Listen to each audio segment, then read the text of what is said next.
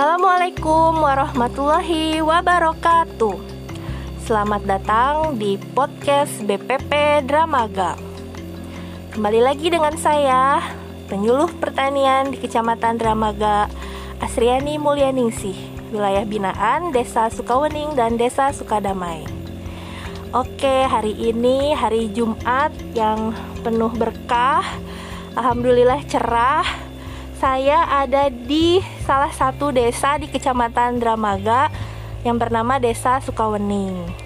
Saya ada di mm, Kampung Ciberem Impres di dalam saung, di tengah saung nih dan juga di hadapan saya ada hamparan hijau, ada tanaman-tanaman bersama Teh siapa? Rina. Teh Rina. Oke, Teh Rina, gimana kabarnya? Alhamdulillah sehat. Jadi Terina ini uh, mengusahakan tanaman edamame ya. Uh, Assalamualaikum warahmatullahi wabarakatuh. Perkenalkan nama saya Siti Akmarina. Saya bekerja sebagai ibu rumah tangga. Ya, aktivitas sehari-hari saya tidak jauh-jauh dari mengurus rumah tangga dan mengurus anak-anak. Itu aja sih. Kalau di kebun hanya sebagai apa ya selingan. Oke, terus ceritakan dong awal mulanya kenapa menanam edamame. Awal mula menanam edamame itu karena uh, saya pernah browsing gitu, pernah searching. Kalau edamame itu uh, apa proteinnya sangat tinggi, lebih dari susu katanya kan dan itu sangat baik untuk empati. Dan memang saat itu anak saya pas sekali masa-masanya empati. Jadi uh, ah kita tanam yang berbeda gitu dari yang lain. Maka kita tanam edamame. Selain untuk apa selain untuk konsumsi sendiri ya bisa juga untuk dijual seperti itu. Oke. Nah sekarang nih udah ada suaminya ya? Siap uh, suaminya juga bekerja sama Teh Rina dengan suaminya dalam mengembangkan edamame. Tadi Teh Rina sudah menjelaskan Kang eh, awal mula menanam edamame karena terinspirasi dari eh, kebutuhan anak um, apa MPASI-nya ya karena proteinnya sangat tinggi. Barangkali ada yang mau ditambahkan? Eh, kenapa awal mulanya menanam edamame? Iya, kan ya namanya kita rumah tangga baru kan ingin berusaha untuk menyajikan yang terbaik untuk anak. Ditambah kita diberi keleluasaan dan uh, apa, kesempatan untuk menggarap lahan milik orang tua kita. Ibaratnya daripada hanya sekedar uh, tanam jual manfaatnya untuk orang lain walaupun uangnya buat kita tapi kenapa tidak sih kita kembali me memfungsikan bahwa pertanian itu ya untuk untuk memberikan asupan dan gizi terbaik terutama untuk keluarga kita atau keluarga si petani itu sendiri. Maka ngobrol lah waktu itu kita kan. Biasa obrol kamar teh gitu kan. Gimana kalau kita tanam edamame? Edamame apa? Ya ayo kita belajar dulu. Nah kita baca referensi di internet beberapa uh, buku. Akhirnya pas dengan kebutuhan kita yaitu ketika anak uh, akan uh, selesai ASI ya perlu pendamping lah pendamping makanan tambahan yang bisa memberikan gizi yang terbaik gitu. Kita pilih edamame seperti itu. Oke. Kemudian uh, awal mulanya itu ada rintangan nggak untuk memulai uh, usaha di bidang edamame ini? Tentu karena uh, pertama selama kan saya tanya dulu kan ke istri emang di kita ada yang tanam edamame nggak? Nggak ada. Wah terus kita mau gimana ini tanamnya? Udah pokoknya niatin aja. Yang rintangan yang pertama ya jelas kita mau tanam bibitnya dari mana. Kalaupun harus minta ke siapa kalaupun harus beli beli berapa dan di mana kan waktu itu udah waktu itu setelah kita memutuskan kita mau tanam edamame kita e, niatkan kuat gitu kan. Sehingga pas dengan waktu itu eh, informasi dari IPB Oh. nah di IPB itu ada apa ya lembaga waktu itu CDA CDA itu pokoknya CDA lah ya CDA IPB yang salah satu programnya itu edamame. Nah kan saya saya yang eh, apa ibaratnya muncek Sunda nama mobok manggih gorowong. Oh, gitu. Jadi ibaratnya kita sedang mau kita sedang butuh nah ada program itu. Ya kita ikutlah. Waktu itu dua edamame dan butternut squash. Edamame ya jenis kedelai kalau butternut itu sejenis waluh waluhan Oh, iya. labuh labuh. Tahun berapa Kang itu?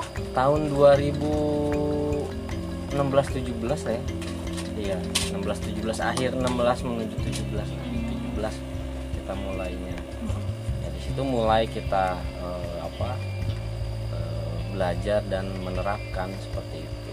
Ya kendala pertama sudah terlewati gitu kan.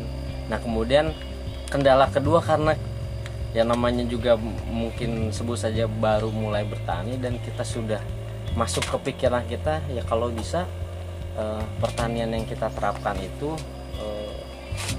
apalah namanya istilahnya organik gitu. Dengan tanpa pupuk kimia. Memang walaupun kita beli juga eh, di toko pertanian mungkin juga tidak mahal. Dan karena juga lahan kita juga tidak terlalu luas. Tapi karena kita juga sudah membangun kesepakatan dan komitmen bersama istri bahwa ya walaupun sudah diolah kan tetap ada ada dasar eh, pupuk sintetik itu bagaimana kalau kita berupaya untuk itu Oh, jadi pertama eh, untuk pupuknya itu tidak langsung organik ya? Atau gimana? Jadi pertamanya mungkin bertahap dulu atau langsung organik? langsung Oh, waktu itu kita langsung. cuman memang eh, sebelum masuk langsung tanam edamame kita tanam kacang tanah dulu ya Bu? Iya, betul. kita tanam kacang tanah dulu dengan dengan ibaratnya asumsi bahwa ya untuk kembali me- memanggil unsur hara Iya. Yang yang ada di dalam tapi juga tetap produktif waktu itu. Seperti itu. Baik, jadi mulai budidaya itu tahun 2017 ya? 2017 Itu eh, dibimbing sama dari pihak IPB? Eh, s- ya kalaupun dibimbing ya ya kayak gini aja ngobrol lah. Oh, kayak kalau kalau IPB kan punya punya lahan sendiri Hmm. punya eh, paten sendiri gitu otomatis karena kita ingin begitu ya iba mereka tetap mendukung gitu. Silakan Kang Ada eh, terapkan pola yang mau diterapkan gitu. karena kalau program IPB waktu itu tetap di, dipacu produktivitas hasil. Jadi eh, apa pakai formula dan rumusan yang sebagaimana eh, mestinya atau yang ada waktu itu. Seperti itu. Jadi kita sudah jalan tapi kita tetap eh, menginformasikan perkembangan. Karena ya kita tetap ingin eh, apa diketahui supaya supaya ya ke depannya eh, bisa menjadi sebuah catatan dan sebuah nilai Oke baik.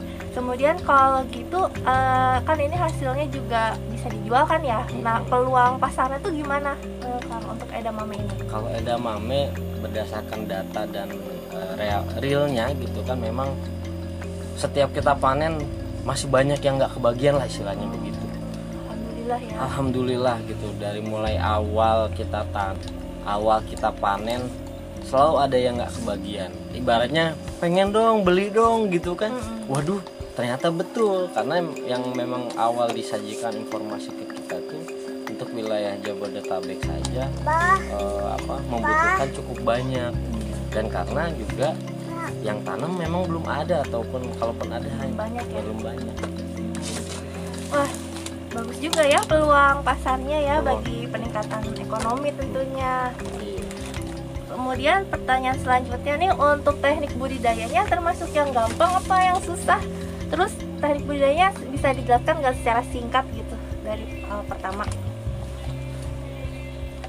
teknik budidaya kalau edamame cukup mudah sih ya bu karena kayak nanam apa namanya kedelai biasa aja gitu saja. Pokoknya dari mulai pembenihan gitu kan jadi dia langsung ditanam di apa? Di lubang garitan. tanamnya. iya di lubang tanam di garitan itu kan.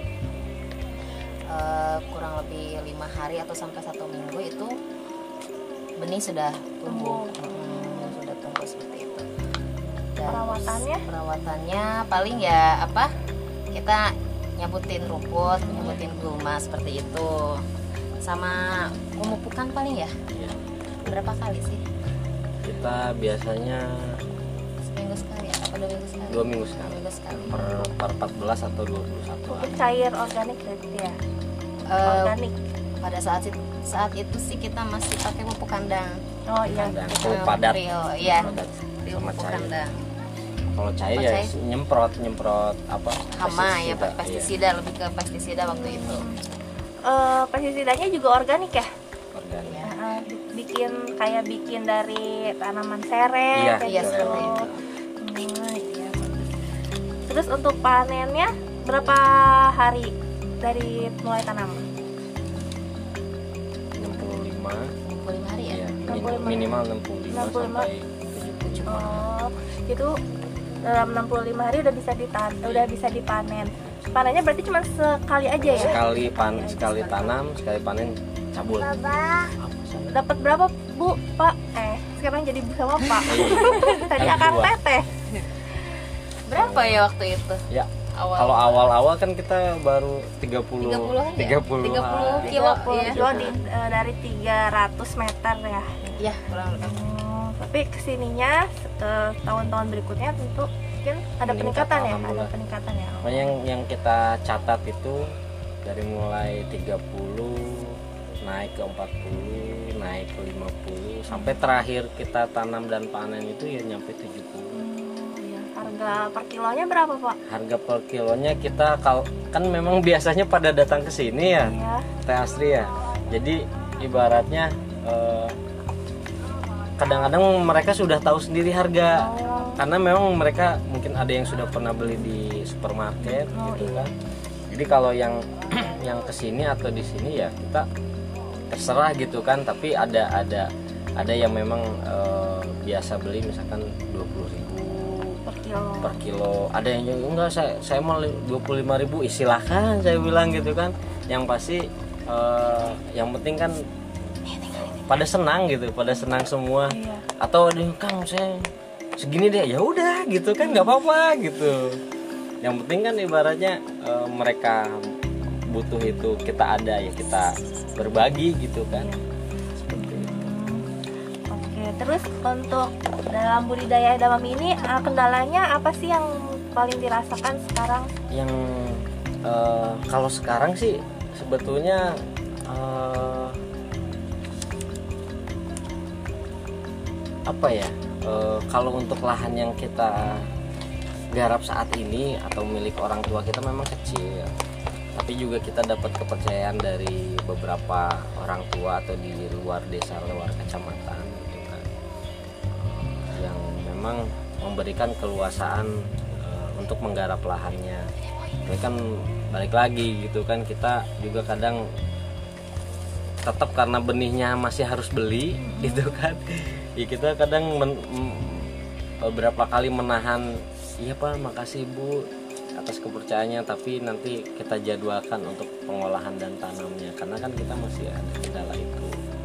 Kalau kalau apa untuk perawatan dan pemupukan sih kita biasanya tadi kita pakai apa yang ada di lingkungannya karena itu yang terbaik. Ya karena balik lagi ke yang tadi soal pasar teh memang eh, sebetulnya eh tadi saya nyebutin berapa sih per, per minggu itu kalau. Jabodetabek 6 sampai 10 ton. oh ternyata salah saya saya lihat lagi 30 ton per Oh, minggu lebih lagi ya, itu lebih tinggi. karena waktu itu eh, dan memang realnya saat ini yang yang memang kita sudah bisa produksi bersama eh, teman-teman petani yang lain itu per minggu 200 sampai 400 kilo saja udah ter- masih tetap masih tetap kurang Kurang. masih tetap kurang Oh, per minggu eh, 200 sampai 300 kilo baru saat ini Saat ini. Iya. Iya ya masih sangat kurang sekali. Jadi ini peluang sekali ya Pak kalau misalkan dikembangkan dan juga di apa diterapkan sama petani lain ya Pak ya Betul, tentunya. Harganya juga bagus terus juga proteinnya tinggi seperti itu. Eh, baiklah kalau gitu ada yang mau disampaikan lagi nggak nih dari Terina sama Akang Adha? Kalau eh, boleh nih ada waktu. Masih 15 menit. Siap jadi memang quotes quotes eh, kita kembali pada nilai bertani itu memang kalaupun saat ini kita selalu diinformasikan soal eh, bagaimana cara menghasilkan hasil pertanian yang banyak dan bagaimana hasilnya itu bisa menjadi nilai ekonomi yang tinggi untuk kembali ke keluarga atau yang usaha budidaya itu. Tapi kita juga jangan lupa dasar dari bertani itu bahwa kita ini sedang melanjutkan kehidupan melanjutkan kehidupan itu tidak hanya kita sebagai manusia tetapi juga melanjutkan kehidupan ekosistem di mana area atau lahan yang kita garap. Memang di situ nih saya sedikit sedikit eh, bocorkan sedikit sesuatu yang mungkin bisa jadi baik atau tidak tapi eh, bagaimana pendengar menilainya. Saya menerapkan pola yang kita terapkan ini sampai seolah-olah dimarahi atau diprotes sama adalah salah satu eh, akademisi lah. Karena oh edamame itu udah paten tata caranya begini begini begini begini gitu kan. Kamu sampai bilang kamu ke saya ya saya sih ibaratnya menerima karena ya baru belajar bertani tapi berusaha untuk komitmen pada diri. Ya tapi kan balik lagi bagaimana eh, kitanya ya mungkin itu eh, asum, eh, persepsi dan eh, pendapat eh, beliau gitu kan tentang ya memang segala sesuatu ada pakemnya kalau balik lagi ke pakem yang sebenarnya ya kita nih bertani kita menggarap lahan ya harus juga men- ikut menjadi bagian pelestari alamnya oh ya baik. penjaga ekosistemnya gitu kayak bagaimana kita tetap menjaga tanahnya Iya. menjaga airnya bisa nggak kita menjaga juga termasuk para serangga dan musuh alami. Ah maaf deh kalau kalau saya sedikit. Ya sebetulnya tidak ada musuh. Ya semuanya hidup gitu. Semuanya semuanya berkesinambungan gitu. Tetapi bagaimana eh, kita tetap harmoni dengan dengan semua yang ada. Gitu. Jadi ya kalau kalaupun boleh saya mengucapkan sesuatu yang baik di hari Jumat ini berkaitan dengan eh, pertanian ya mari kita jadikan pertanian ini sebagai ladang ibadah kita. Gitu. jadi semakin banyak yang kita tanam semakin banyak yang kita hasilkan juga semakin baik ekosistem lingkungan tanah dan air area di mana kita mengolah. Dari mana kita dapat rezeki dari yang kita usaha seperti itu Oke, baiklah kalau gitu eh, podcast kali ini sekian saja dulu. Maka memang betul ya pertanian organik itu kayak kita melestarikan juga alam kita. Semoga nanti juga alam akan memberikan yang terbaik juga karena kita menjaga keseimbangan ekosistemnya seperti itu. Yang mudah-mudahan juga jadi lahan eh, ladang amal buat kita para petaninya, petugasnya semuanya deh pokoknya. Makasih ya atas waktunya Teh Rina dan Kang Adha. Wassalamualaikum warahmatullahi wabarakatuh. Waalaikumsalam